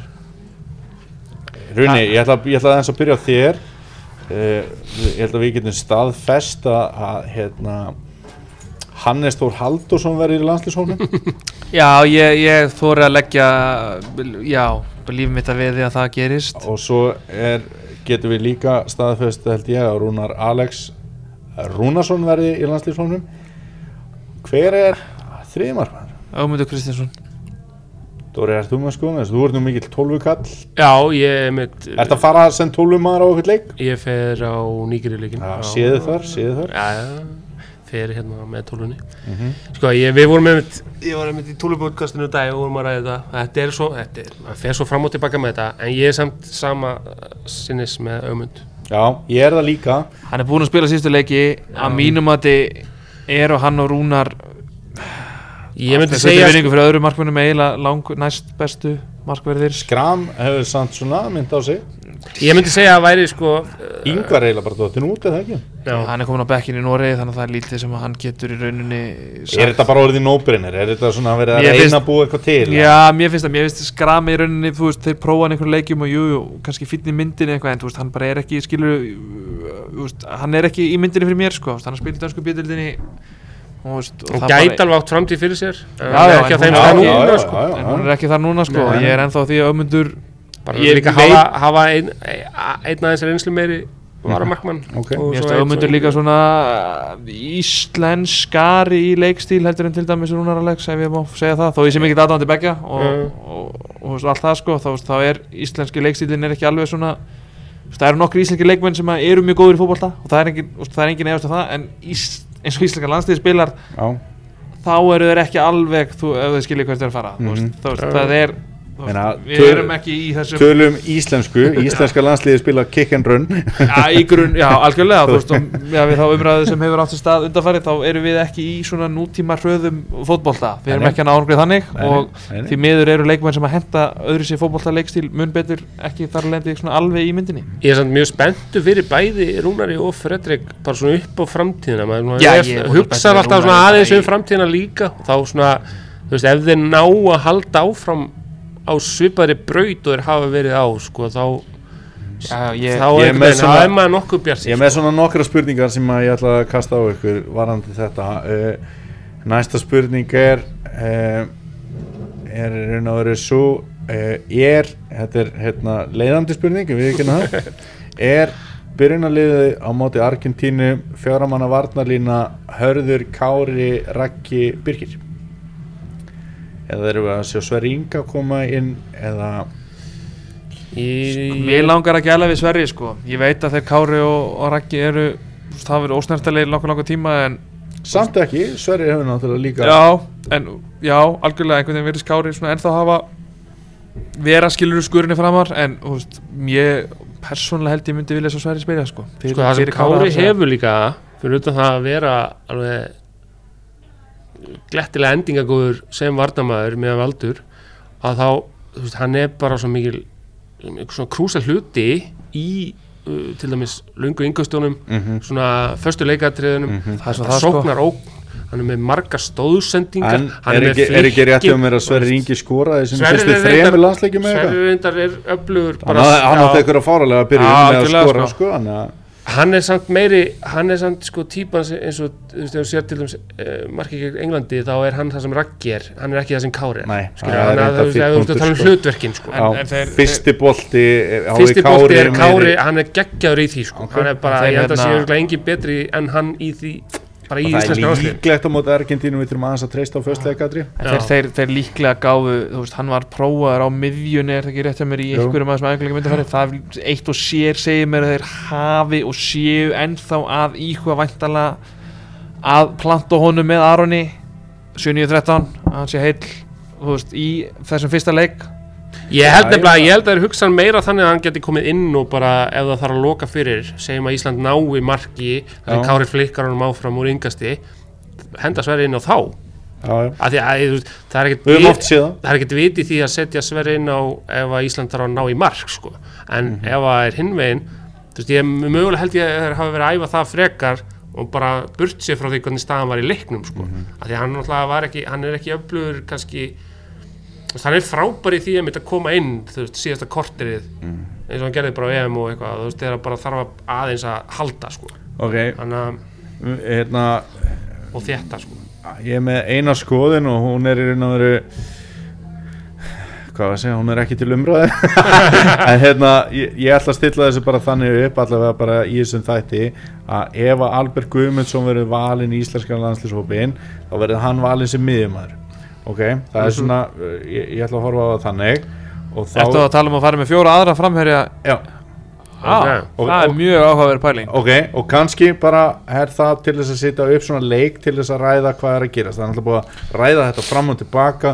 Þegar ég geti hlustað á hérna, fótbolta.net áttin frá því síðasta lögata þegar Hjörvar maður mættur í gaskljá nú er ég að hlusta á Já, hann. nú er ég að ræða við ykkur. Já, ok. Já.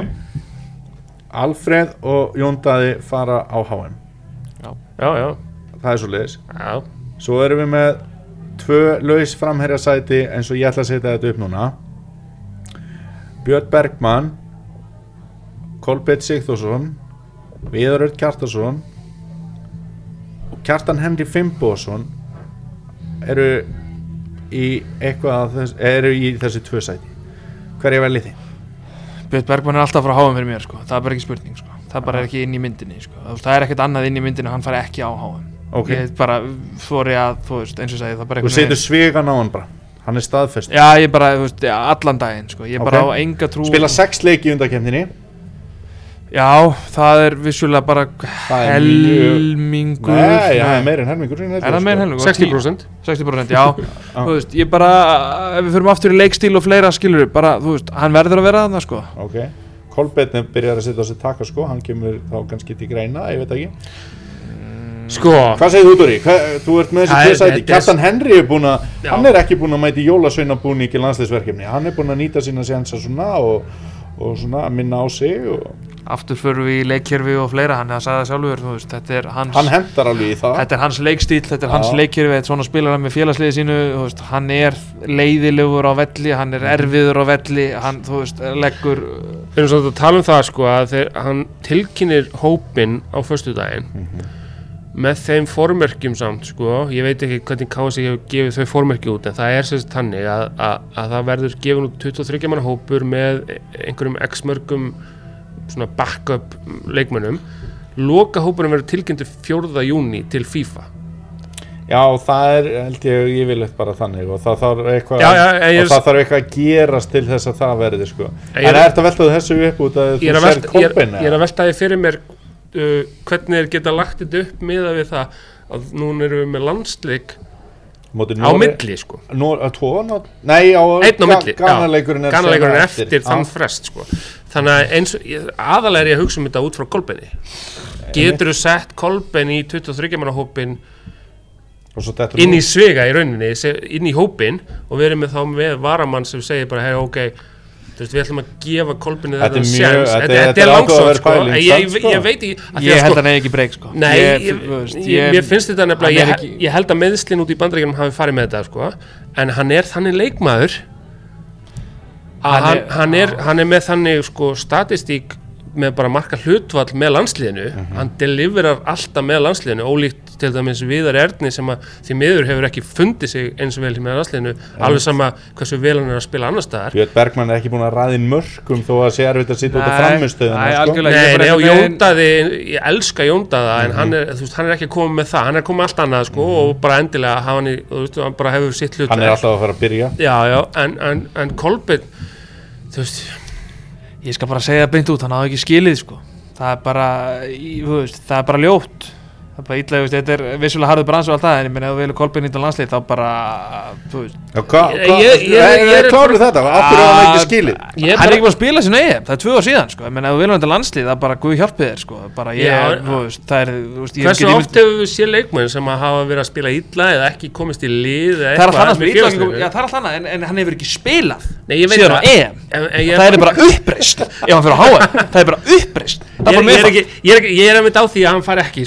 bara að segja En hann ég á samt skil sína það- ferilskrá bara, ég, sko. ég, Já, ég, ég með skil, algjör- ég myndi skilja það að gefa honum aðeins ekstra svigurum til þess að mögulega sína eða ég skil, þú veist, ég skil það til dæmis að hverju hann fór til bandreikina, hverju gáði hann sjensin að því að þú veist, hann er svo típa leikmanni og hefur sínt það með landsliðinu hvað hann getur gert, ég skilur er nefnilega skil það ekki, sko, ég skil ekki hvað hann var að gera hefur ekki Það er- séð hvað hann hefur gert fyrir jú, ég skil það, ég skil ekki hvað hann var að gera í bandaríkjónum sko.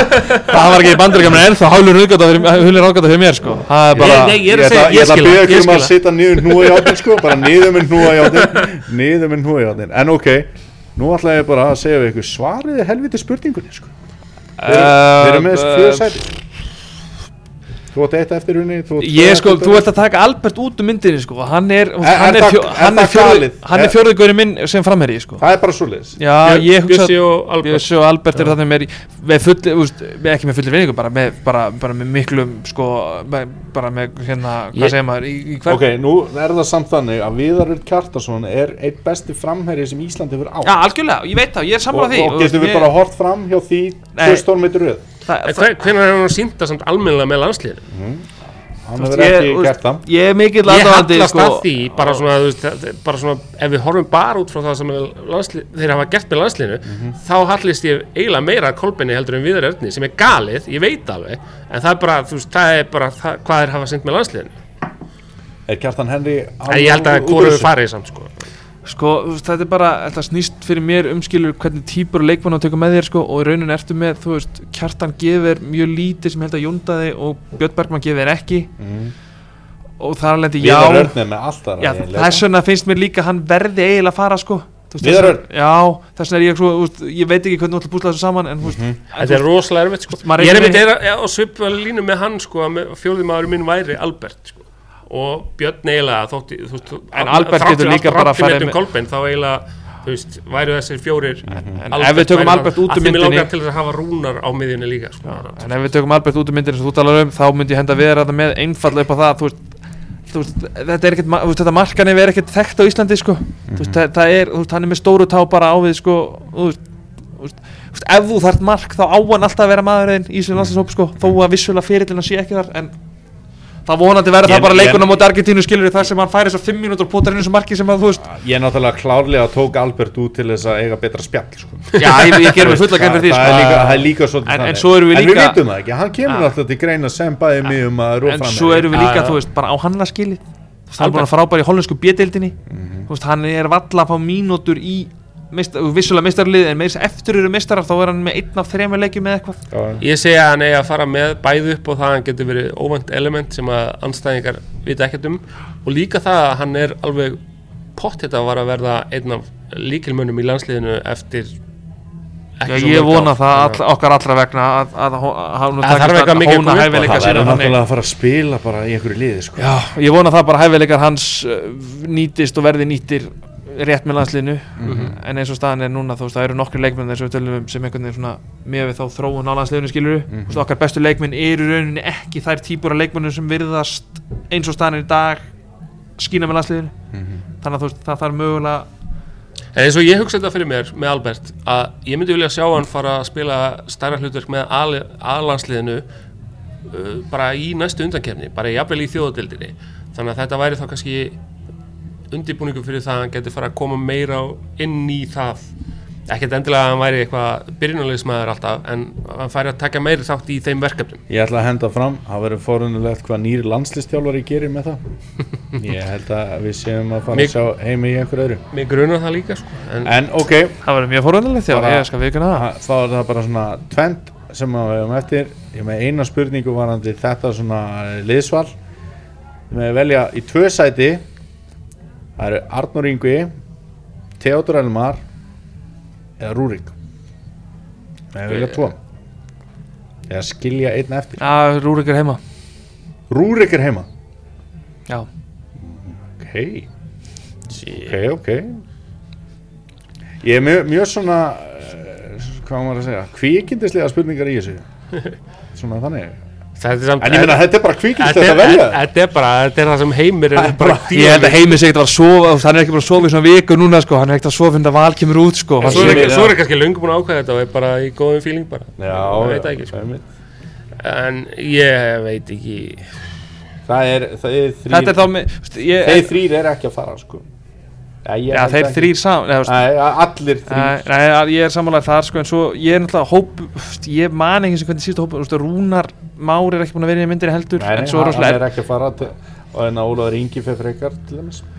En maður finnst samt bara svo vond einmitt þú sagðir, úst, maður, þú veist, það eru leikmenn að vera eftir heima skilur sem einhvern veginn bara eiga ekki skilið veist, menn sem eiga bara skilið að fara á háum einhvern veginn eru bara ekkert að fara á háum og bara er ekkert, Æja, já, já, ég vildi ekki vera heimir þessa dagana, ég skal við það, ég var alltaf vera heimir Hallgrímsson mörg, marga dag ásins, en þessa daga, þessa viku bara alls ekki, sko, Margum tala þú ert eftir að svara Þú ert eftir að svara.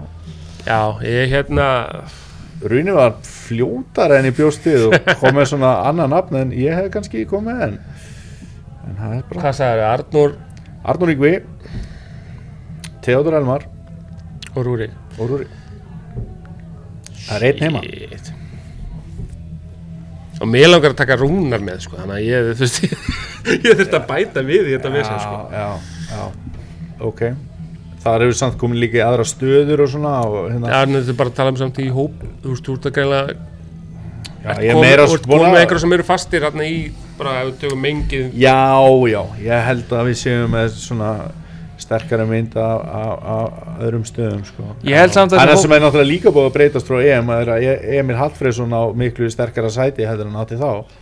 Án þess að það samt Hann verður byrjunarliðsmaður á móti Argentinu Nei, Jú, í, í fjó, fjórir Fimm einn. Na, fjóri, fjórir, einn, einn eitthvað. Já, Heldur ekki? Gilvi og Aron bara á miðinni og allir þessir ja. nei, nei, Gilvi og Birki Bjarnar verður með henni Gil, Nei, Aron og Birki Bjarnar verður með henni og Gilvi verður það fyrir framann hver á kantinu Birki Bjarnar og þú ert búin að setja rúnar eftir heim. Jájá, Birki Bjarnar verður þú veist, Aron, er- verður, Aron verður á bak við Birki og Gilva Ég get lofa þér Og Ég, þú, ég bara, þú veist, ég skal seg, segja Ok, hér nú hvernig ætlar að setja á kantinn? Það verður bara komið ljós. Ari Freyr á kantinn bara að varna sinna? Já, ég myndi hafa Jóndað á kantinu. Já, Alfred frammi, Já. Því með bara hafið þetta mér núna. Sæll og blessar Ok, Það er Birki Bjarnar verður á miðinni, ég skal ekki lofa með Jóndað Birki Bjarnar verður á miðjunu móti Argentínu Ok. Ég þóra að fullir það herri, Dóri, ertu með þetta? Ætla bara að segja pass Ég, ég, þetta er ómikið sko ég, Þetta er of mikið. Ég maður fer í ringi bara með það sko. Herri, þá er bara hérna eh, held ég að við séum ég sagði eitthvað tvent en ég var bara með þetta eina sko. ég, var, ég ætlaði að leifa hinn á að koma ef það kæmi, það bara svo gott flæði í þessu hjá okkur en strákar, það er bara virkilega gaman að fá okkur virkilega gaman að hérna haf, hafa fengið líka þess að Ferguson fréttir í dag því að þegar við töluðum um að þið getur komið hérna þá voru aðeins, það var aðeins annað upp á teiningum, það verður bara að segjast. segjast. Og hérna við bara eh, já, engin ástæða til annars en að við munum ætla að sjá hann bara aftur á hliðalínunni eða upp í stúku að fylgjast með og svo bara verðum við með hjartaði í buksunum á föstu daginn sko, það verður eitthvað sétt sko. Já. Þetta verður dramatíst í lokin aftur hins og hugan, síðasta spurningin. Hver verður, hvert verður 23. nafni sem verður kynnt í landstæðsónu Albert. Er það þá, síðasti. Eru ekki Við erum að tala um Eður Smári, hann var síðastur þegar hann var kynnt á EM hann var Já, það er svoleiðis, oh þetta, God. er, þetta er stemnings, þú segir Albert mjög, Albert. mjög skemmtilegt Runni. Ah. Já ég, Já, Albert. Ég Albert, að samanlega já, ok, ef ég held ég að- var búin að gleyma hvernig tilgjöndum þeim. Ég held bara að þetta hefði verið gamla góða bara Nei, nei, nei. all, allir saman einhvern veginn. Draga- þeir- Eru þeir að draga þetta bara hatti, hatti? Er það bara þannig? Er þetta bara, þú Nei, það þetta var bara glæru sinning sem var bara, það var Það bara það geggja mymband sko, svo bara einn í einu. Þau, þetta er bara svona hérna Eurovision dæmi og svo kom svona, og Hver er svo- síðastu Já, skilur. þetta, þetta er bara svo Þeir eru allir fastir það Þetta er bara, ah, er nákvæmlega því, svo allt í hennu kom bara búm, Eðursmári og trilltist allt sko. Jésús, verður Þú maður ekki segir að Albert, mæta hann getur komið. Já, jú, verður, þú já, Albert. Ok, herri, gaman að sjá okkur og yngast í hverður við sjáum næst eftir úrslita leikin í mistaradildinni